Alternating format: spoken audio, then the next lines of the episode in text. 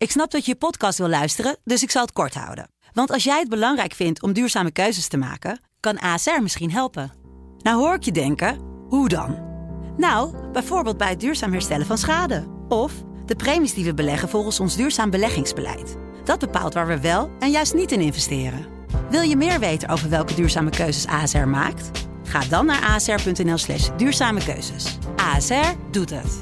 Zo, dan kan je nu lekker naar je podcast luisteren. Dit is het Telegraafkwartier. De dagelijkse nieuwspodcast van de Telegraaf. Met Jeroen Holtrop. Ja, welkom bij het Telegraafkwartier van donderdag 15 februari. Met vandaag, Pieter Omtzigt is de kop van Jut na de mislukte kabinetsformatie over rechts. Zijn NSC-kiezers teleurgesteld. En niet alleen toekomstig werknemers, maar ook mensen die al ergens in dienst zijn, worden steeds vaker online gescreend. Aangeschoven vandaag zijn Telegraafverslaggever Wiert Duk en financieel journalist Connie de Jonge. Nieuw sociaal contract. De partij van Pieter Omtzigt wist in een paar maanden tijd 20 zetels te behalen in de Tweede Kamer, maar zakt in de laatste peiling alweer terug naar 9. Hoe teleurgesteld zijn de NSC-kiezers? Wiert, jij bent uh, op zoek gegaan naar de NSC-kiezer. Wat tref je dan aan momenteel? Nou ja, heel veel teleurgestelde kiezers natuurlijk. Ja. En dat is ook wel logisch gezien de ontwikkeling van de afgelopen tijd en zo. Maar wat mij opviel, toch ook wel kiezers die geloof blijven houden in Pieter Omtzigt. Een aantal zelfs die zeggen, nou het is juist goed. De opportunisten vallen nu af. Het is goed dat Omtzigt bij zijn kerntaak houdt, namelijk rechtsstatelijkheid. Daar moet hij op blijven, hm. uh, op blijven voortborduren ook. En uh, bestuurscultuur die moet veranderen. Ik sprak een aantal mensen die eigenlijk vinden dat Omtzigt wel goed gehandeld heeft. Maar die hebben dus ook, net zoals hij, een soort ingebouwd gebouwd wantrouwen tegen samenwerking met de PVV. Dat vinden ze mhm. helemaal geen goed idee. Anderen die zeggen, uh, ja, Pieter was eh, voor de verkiezingen gewoon echt helemaal onze man en mijn man. En zo eindelijk sprak één vrouw die zei, joh, ik heb sinds Fortuyn was ik eigenlijk altijd op zoek naar wat is nou mijn partij. En dan kwam ik uit bij Fortuyn dus eerst, maar die werd dus vermoord. En uh, vervolgens uh, uiteindelijk ook bij Ja 21 VVD had overal op gestemd. En nu dacht ze, oh Pieter Omtzigt, dat wordt mijn man. En die is nu weliswaar teleurgesteld, omdat ze denkt van ja, maar dit gaat op deze manier niet goed. Want zij zit vooral op immigratie, vindt zij een probleem. Het is een oud lerares, oh die heeft heel missie gaan bij haar op school en zo. Die had gehoopt met Pieter Omtzigt andere immigratiebeleid vorm te kunnen geven. Met, samen met VVD en die andere partijen. Ja, en dat vindt ze nu toch wel heel problematisch. En, loopt zij dan nu ook weg, zoals ze dat zegt? Nee, zij zegt dus, dat is, wou ik zeggen, dat is dus heel interessant. Zij loopt dus niet weg. Zij zegt, ik ga naar die, uh, ik blijf lid ook. Ze is zelfs lid. En ik ga ook naar die ledenvergadering. En ik wil daar gewoon uh, antwoord uh, op vragen die ik heb. En ik blijf vooralsnog trouw aan Pieter. Maar ik sprak ook wel een heel aantal mensen die zeggen, joh, dit was eens maar nooit weer. Als er nieuwe verkiezingen komen, dan stem ik gewoon op de PVV. ja. En dat is ook wel heel opvallend. Gewoon hele fatsoenlijke, zeg maar, fatsoenlijke nette Een meneer die omschrijft zichzelf als ik ben totaal middel of de roodburger. Ik ben oud hmm. bestuurder, oud ondernemer. Ik heb altijd belasting, enorm veel belasting afgedragen. Ik raap elk propje op van de grond dat ik tegenkom. Ik rijd nooit door rood licht. En ik ga de volgende keer PVV stemmen. Dat is toch wel een heel duidelijk signaal hoor. hoeveel opportunisten zitten er nou tussen? Hè? Die dus inderdaad, wat jij zegt, continu van partij geswitcht zijn de afgelopen jaren. Nou, ik denk eigenlijk dat het wel meevalt. Ik denk dat Ehm, dat heel veel mensen toch hebben gedacht bij Omtzigt... kijk, dit is eindelijk iemand in de politiek... die een wat conservatievere electoraat kan vertegenwoordigen... waar ik mijzelf toe reken. Maar die wel fatsoenlijk is, dus die niet allemaal rare dingen gaat zeggen... zoals Geert Wilders. En zich ook bewezen heeft als parlementariër, als de beste parlementariër natuurlijk, mm. een van de besten. Dus die heeft heel veel vertrouwen gecreëerd. En deze mensen voor zich weten te winnen. En dat zijn veel CDA-kiezers natuurlijk, ook veel hm. VVD-kiezers. Niet per se uh, opportunist. Dat zie je ook wel, doordat ze zeggen, ja, ik haak nog niet af. Bijvoorbeeld een aantal maar goed, negen Maar goed, heel veel haakt dus wel af, gaat dan ook nog naar de PVV. En uh, dat is nou net waar, waar Omtzigt uh, moeite mee heeft. Ja, die daling in de peilingen is natuurlijk wel schrikbarend. En hè, Bart Nijman, uh, auteur, die ken je wel, die schreef van vertrouwen komt te paard en vertrekt per dienstauto. en om Omdat Plasterk heeft. Eh, precies, want hij heeft even de auto, de dienstauto van Plasterk gebruikt om een aantal journalisten te kunnen te voorstaan. Hij heeft het ook wel heel erg slecht aangepakt allemaal. En hij heeft het dus bij heel veel mensen ook wel verbruikt. En als Pieter Omtzigt het verbruikt, de man die juist zoveel vertrouwen had, ja, dan heeft hij echt wel grote strategische blunders eh, begaan, denk ik. Juist. Je hoort nu overal de term uh, extra parlementair kabinet. Ja. Kan je dat nog één keer uitleggen? Wat, wat is dat ook? Nee, dat kan ik ook. Want dat kan niemand immers. Want is dat dan een zakenkabinet? Daar is lijkt dat dan... het op, toch? Ja. Precies. Ik vraag het ook steeds. Jongens, wat bedoel je dan met het extra parlementair kabinet? Ik geloof dat Jesse Klaver of Rob Jett het gisteren ook nog eens een keer vroeg. Wat is dat dan? Ja, ja. En dan, dan komt het niet. Is het dan een kabinet dat dan meerderheden creëert telkens? Per Of onderwerp Per of zo? onderwerp. Maar ja, Kim Putters moet dit nu gaan beantwoorden, wat dat dan is. Ja, En die precies, gaat met ja. allemaal staatsrechtgeleerden ook in gesprek. En met die verschillende Kamerleden en fractievoorzitters van... wat bedoel je eigenlijk? ja. En dan te kijken of ze er samen ergens over eens zijn wat ze ermee bedoelen en wat dat dan betekent. Maar waar haal je dan je ministers en staatssecretaris? Want als je die bijvoorbeeld uit de zakenwereld haalt, ja, dat moet je natuurlijk nooit doen. Want die mensen hebben meestal geen enkele politieke antenne. Hè? Nee. Die zijn dan decennia lang zijn ze ondernemer en dan opeens dan... dan Krijg je zo'n oesloef-verhaal een beetje. Hè? Nou ja, precies. Of kijk, die was natuurlijk nog de jong. Maar je hebt natuurlijk heel veel van die ondernemers die zijn al 60 of zo. Die denken, ja. oh, ik heb toch wel heel veel geld verdiend. Weet je wat? Ik moet ook eens iets terug doen. En dan wordt ze heel links. Ja, dan gaan ze opeens met GroenLinks of zo. Nou, dat wil je natuurlijk ook niet. Je wil natuurlijk mensen die politiek gepopt Ja. en gemazeld zijn. En ook in de bestuurderswereld. Maar die vormgeven aan een centrumrechtskabinet. Omdat dat nu eenmaal is wat een grote meerderheid van de kiezers Juist. wil. Oftewel, we weten niet precies wat er mee eh, wordt bedoeld. Weten we wel wat de, hoe de NSC-kiezer er tegenaan kijkt? Ja, ik sprak ook een meneer inderdaad die zei. Dan maar dat. Zo van een kabinet over links. Dat is verschrikkelijk, zegt hij. Dat moeten we niet hebben. We gaan dus ook niet met de PV regeren, want dat gaat niet gebeuren. Gedogen leek hem dan ook niks. En die zegt, ja, dan moeten we maar zo'n extra parlementair kabinet. En toen vroeg ik ook, ja, maar wat is dat dan? Toen zei ja, dat weet ik ook niet precies. Dat moet dan maar de komende dagen duidelijk worden. Ja. Kijk, het is natuurlijk allemaal een constructie voor Pieter Omtzigt om uiteindelijk verantwoordelijkheid voor het centrumrechtsbeleid te ontlopen. Want daar is hij bang voor. Hij is gewoon bang om geassocieerd te worden met Wilders, met beleid dat ook hard kan zijn op immigratie. Hè? Dingen waar Jesselgus bijvoorbeeld en Van der Plas niet voor weglopen. Maar daar is hij gewoon bang voor.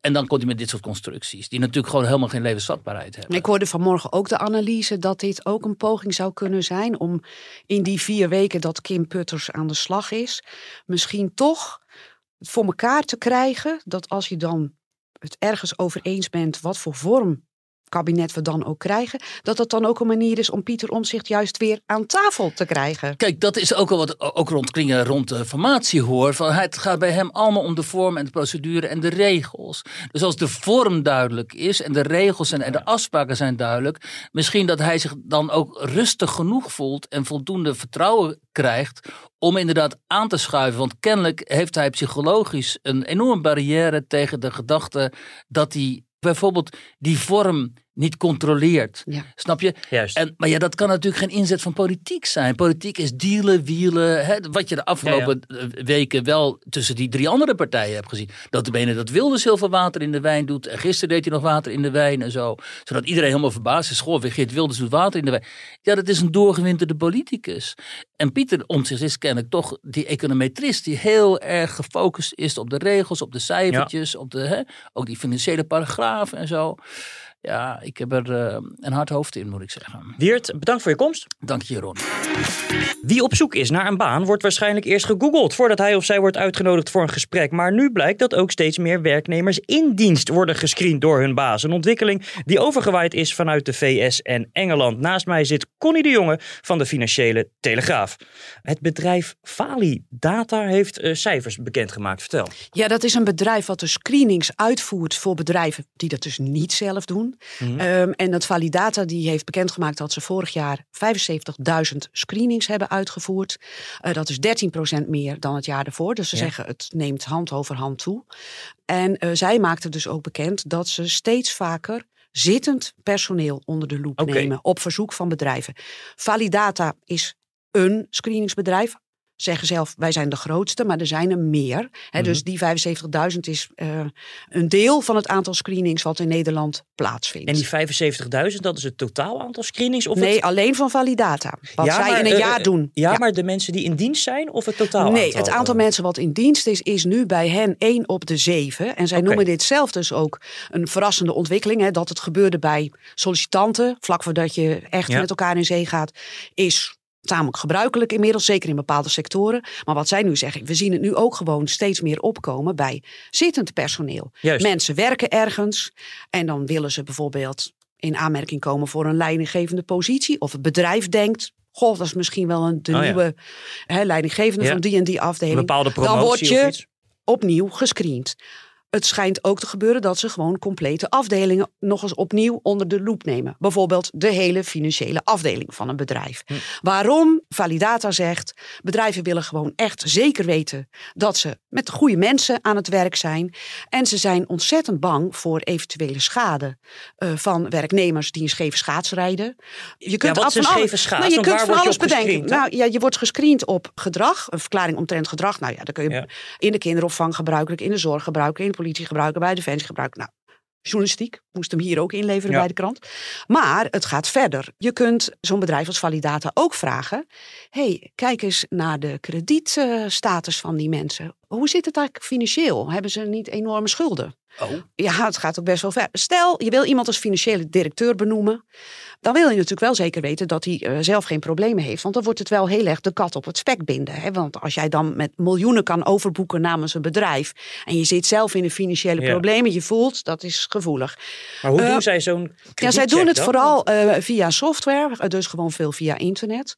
En ze doen dus ook, even voor de duidelijkheid, internetgedrag. Dat bekijken ze ook desgewenst naar. Ze zeggen wel, het moet wel in proportie zijn. Iemand die in de zorg werkt, gaan ze niet per se het internetgedrag van bekijken. Heb je dan over sociale media? Ja, sociale media. Echt wat daarop van jou te vinden is. Dan moeten ze wel een protocol hebben voor sociale media gebruik. Denk Nou ja, wat in ieder geval officieel moet, is dat jij als of als sollicitant of als werknemer instemt met die check, dat ze dat doen.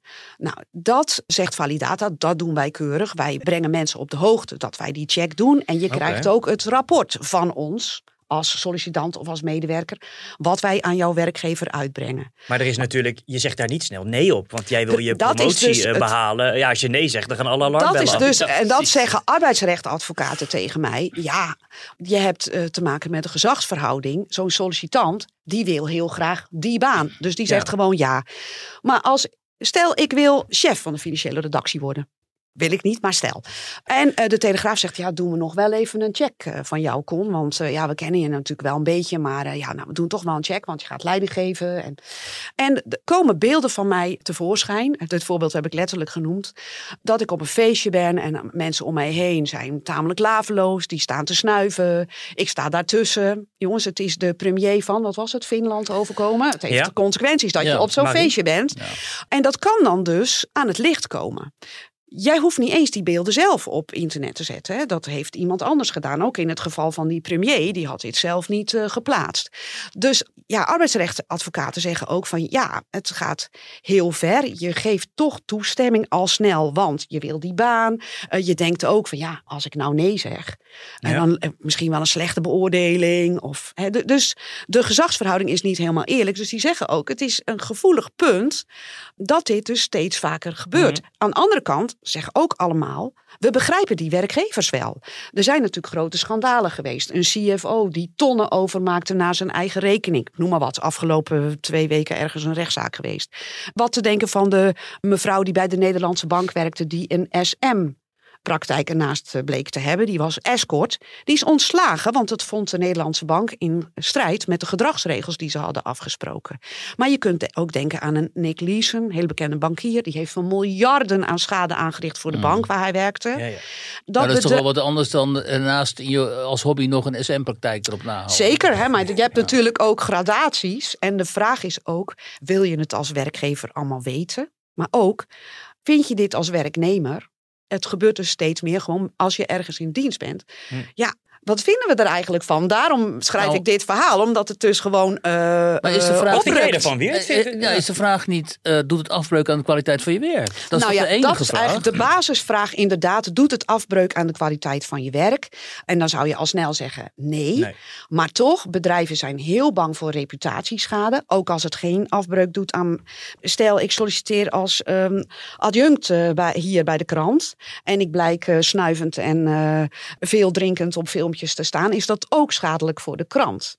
Dat zeg niks over wat er wel eens in de journalistiek gebeurt. Nee, ja, nee, dat, daarom, maar ik gebruik dat. weet je, ik kan natuurlijk. Ja, zeker. Maar ik gebruik dat voorbeeld graag bij die advocaat. Ik zeg van nou, als nou dit en als nou dat. Dit zijn wel behoorlijke topposities ook waar je het over hebt. Hè? Leidinggevende functies. Of gaat het ook om een beetje ja, ja, wat, wat uh, Nee, want als je dus zegt als bedrijf: jongens, we gaan de complete financiële afdeling nog eens tegen het licht houden. Oh dan gaat het ook gewoon mensen die in gewoon uh, boekhouder zijn en uh, administrateur, et cetera. Dat er toch nog eens even gekeken wordt: hey, ben jij toevallig niet gokverslaafd geworden de afgelopen jaren? Of dat kan. Het gebeurt natuurlijk ook. ik bedoel, we moeten ook niet ontkennen dat dit soort dingen gebeuren. Juist. Of dat mensen grote schulden opbouwen. Of nou ja, misschien chantabel zijn. Hè, politieagent, hebben we een geval gehad, die speelde 300 keer informatie door naar criminelen. Ja, misschien moet je als politie soms toch ook wel inderdaad je agenten nog eens even tegen het licht houden, zou je dan denken, hè, als je zo'n verhaal hoort. dus het eh, is niet alleen maar verwerpelijk, maar en misschien ook wel begrijpelijk. Alleen, ja, er zitten haken en ogen aan. Wanneer staat het verhaal uh, in de krant? Morgen. Morgen vrijdag. Morgen vrijdag. Ja, morgen vrijdag. Bedankt uh, Connie. Wiert, jij ook nogmaals bedankt. Dank je. En jullie bedankt voor het luisteren. Morgen om half vijf zijn we er weer. Wil je op de hoogte blijven van het laatste nieuws? Ga dan naar telegraaf.nl of download de app.